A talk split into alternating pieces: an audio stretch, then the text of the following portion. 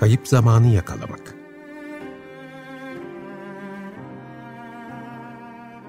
Ölümünün 100. yılında Marcel Proust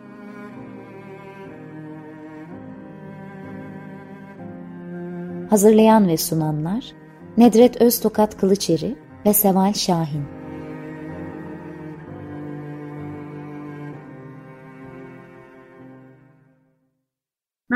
95.0 Açık Radyo'dasınız. Ben Seval Şahin. Ben Nedret Öztokat Kılıçeri. Ee, Proust'un ölümünün 100. yıl dönümü vesilesiyle yaptığımız bu e, özel programda e, Nedret Öztokat Kılıçeri hocayla birlikte e, Proust'un büyük eserini Kayıp Zamanın izindeyi çeşitli yönlerden ele almaya çalışıyoruz.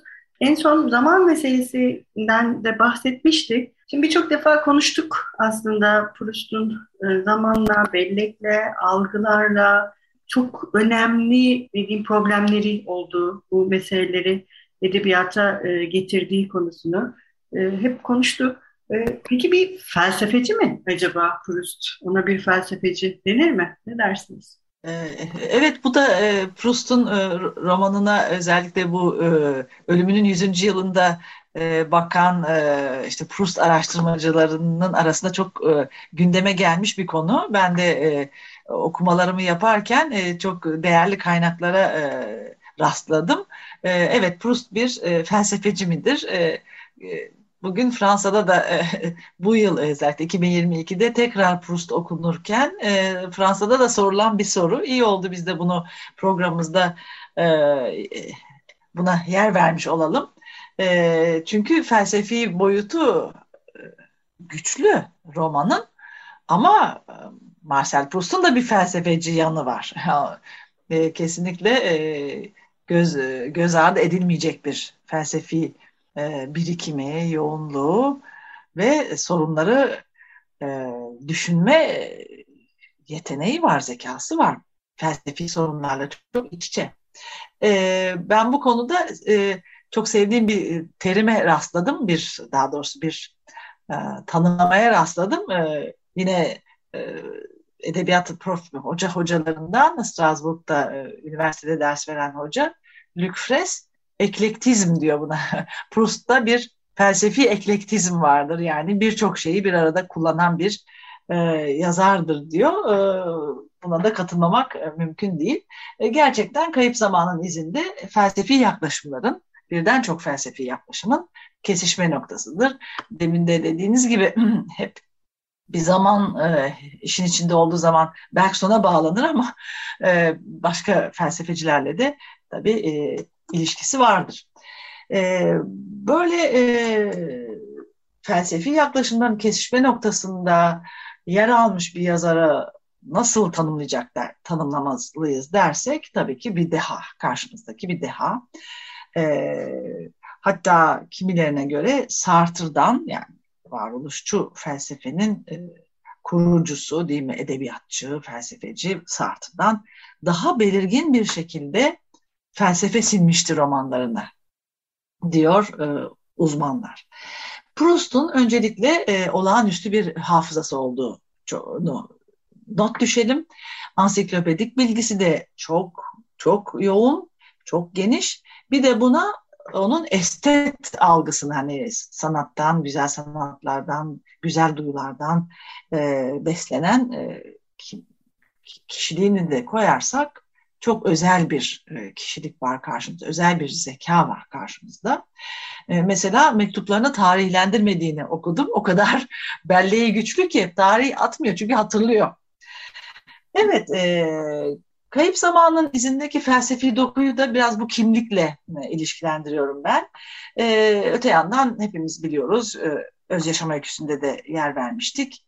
E, edebiyat ve felsefe okumuştur e, Proust ve yapıtında da kaçınılmaz bir biçimde bu iki alan güçlü bir şekilde dokuyu oluşturur. E, kişilerine baktığımız zaman e, yine okurlar hatırlayacaklardır. Yazar Bergot efendim ressam Elstir, besteci müzisyen Venteuil gibi e, bu kişiliklerin arasına e, yani ilgilendiği alanları temsil eden o aktörlerin arasına bir de felsefeci koymuştur ama felsefeci çok belli belirsizdir. Ee, ama vardır, bir felsefeci vardır romanda. Profesör Brishow, o da Norveçli felsefeci olarak öyle bir belirir ama diğerleri gibi e, baskın bir yeri yoktur ya da hani roman kişileri arasında e, pek anılmaz. Buna karşılık ikinci ciltte yani Çiçek Açmış Genç Kızlar'da e, Balbek'te tanıştığı şu Germant taraflı arkadaşı e, Robert de Saint-Loup tarzıyla, eğitimiyle, görüşleriyle e, iç içe bir aktör olarak karşımıza, öyle bir figür olarak karşımıza çıkar. Notlarında da romanın felsefeyle ilişkisini not ettiğini not ettiğini okuyoruz. E, mesela 1908 yılına ait bir notunda e, kendisinin e, kaleminden bu bir roman mı olmalı, felsefi bir etüt mü? E, ben bir romancı mıyım e, sorusuna, cümlelerine rastlıyoruz. 1912'de yayın evi bulma sıkıntısı yaşarken e, klasik romana benzemeyen bu yapıtın basılmasının sıkıntılarını yine kendi lafı klasik romana benzemeyen roman e, der bu e, yapıtın basılma zorluklarını dile getirirken. Bazı e, araştırmacılar e, örneğin Henry e, üstünde basa basa Proust'ta Schelling ve Schopenhauer etkisinin bulunduğunu söylemiştir. 1981 tarihli Proust Pour théorie de l'esthétique çalışmasında e, lisedeyken Proust'un Schelling ile tanıştığını belirtmiş. Fakat e, konuşmanın başında da andığım Luc Fres buna karşı çıkıyor. E, e, öyle Schopenhauer'in hele Schopenhauer'in etkisi, etkisiyle e, etkisinde kalmış olsaydı bu kadar yani baskın bir biçimde Madlen tadı bir sevinç uyandırmaz olsa olsa ağdalı bir nostaljiye açılırdı diye not düşüyor. Proust uzmanları en azından e, Luc e, Proust'un felsefeyle ilişkisini doğrudan bu felsefe bu felsefecilere bağlamaktansa Condorcet Lisesi'nde aldığı felsefe eğitiminin orada tanıdığı olağanüstü felsefe hocası Alphonse Darwin'in adını anmayı daha uygun buluyor. 1849 ve 1921 yıllar arasında yaşamış parlak bir felsefeci öğretmen. E, Proust ve birkaç arkadaşının e, örneğin e, Leibniz'in monadolojisini bu hocayla okudukları bilinir. E, ondan ders aldıkları bilinir. E, ve böylece Darwin'in sınıfına geldiğinde daha sonradan notlarına yazacağı gibi bir e, güçlü bir etki yaşamış, yaşamıştır e, Proust. E, ben kimseden çok etkilenmedim dediği yerde Darwin'i bir ayrı bir yere koyar. E, daha sonra Darwin'in 1873'te bir metafizik dergisi kurduğunu, o dönemlerde yine e, Proust'un bitirme tezi, felsefe bitirme tezini, bitirme çalışmasını e, hazırladığını biliyoruz.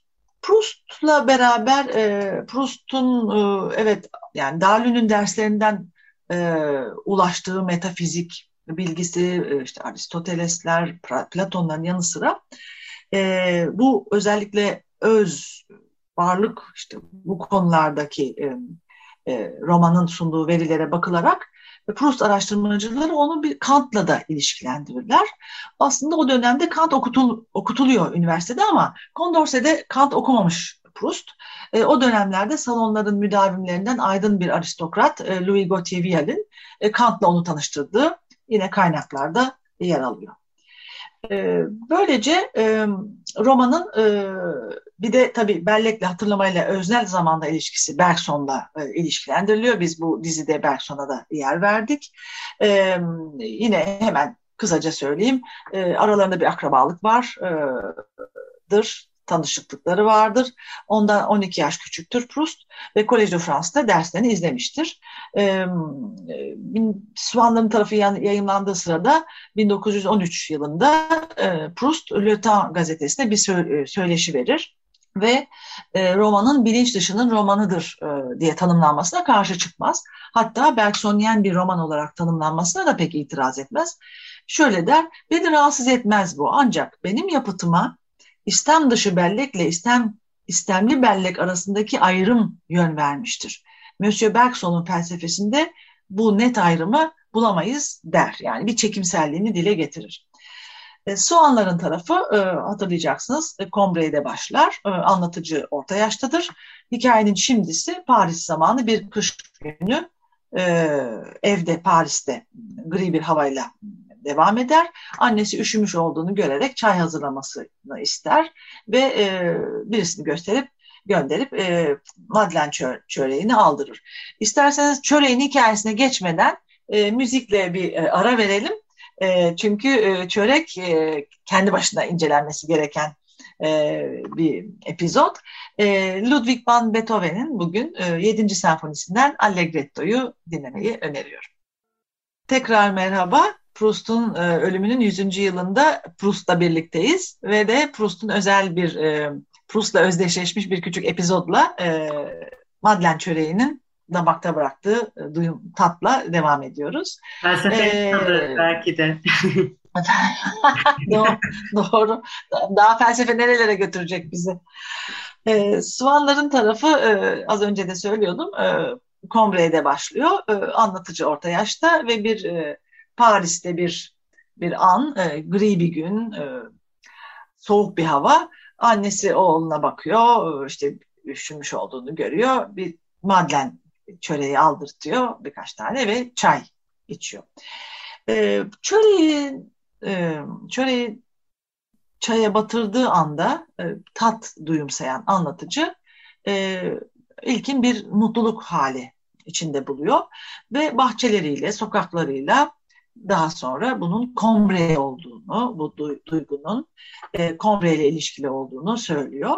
İşte bizim e, yine Bergson'dan esinlenişle e, istemli belleğimiz e, aslında e, e, eksiktir. O istemli istemsiz bellek e, ikiliğinde istemli e, belleğimizin eksik olması, orada bir şeyler arayıp bulmamız gerektiğini Proust hatırlatıyor. E, istemsiz bellek ansızın ortaya çıkıyor.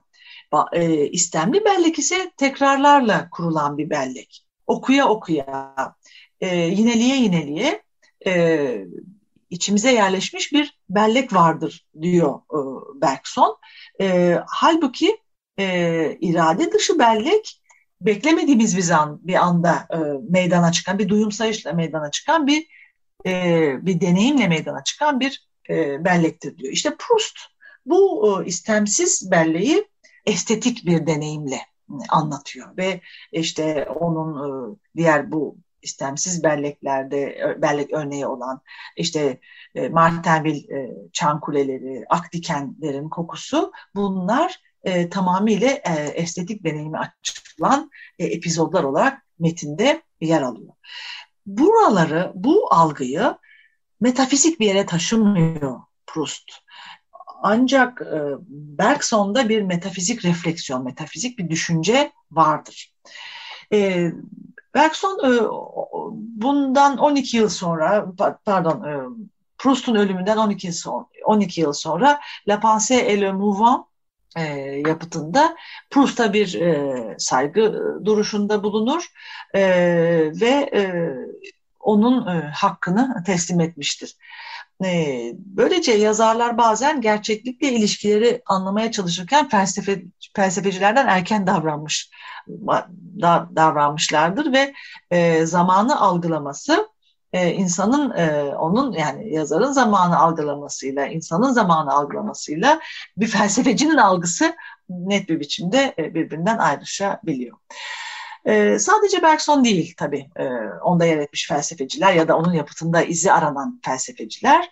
E, onun Condorcet Lisesi'nde tanıştığı Aristoteles ve Platon'la da düşünmek gerekir Proust'u.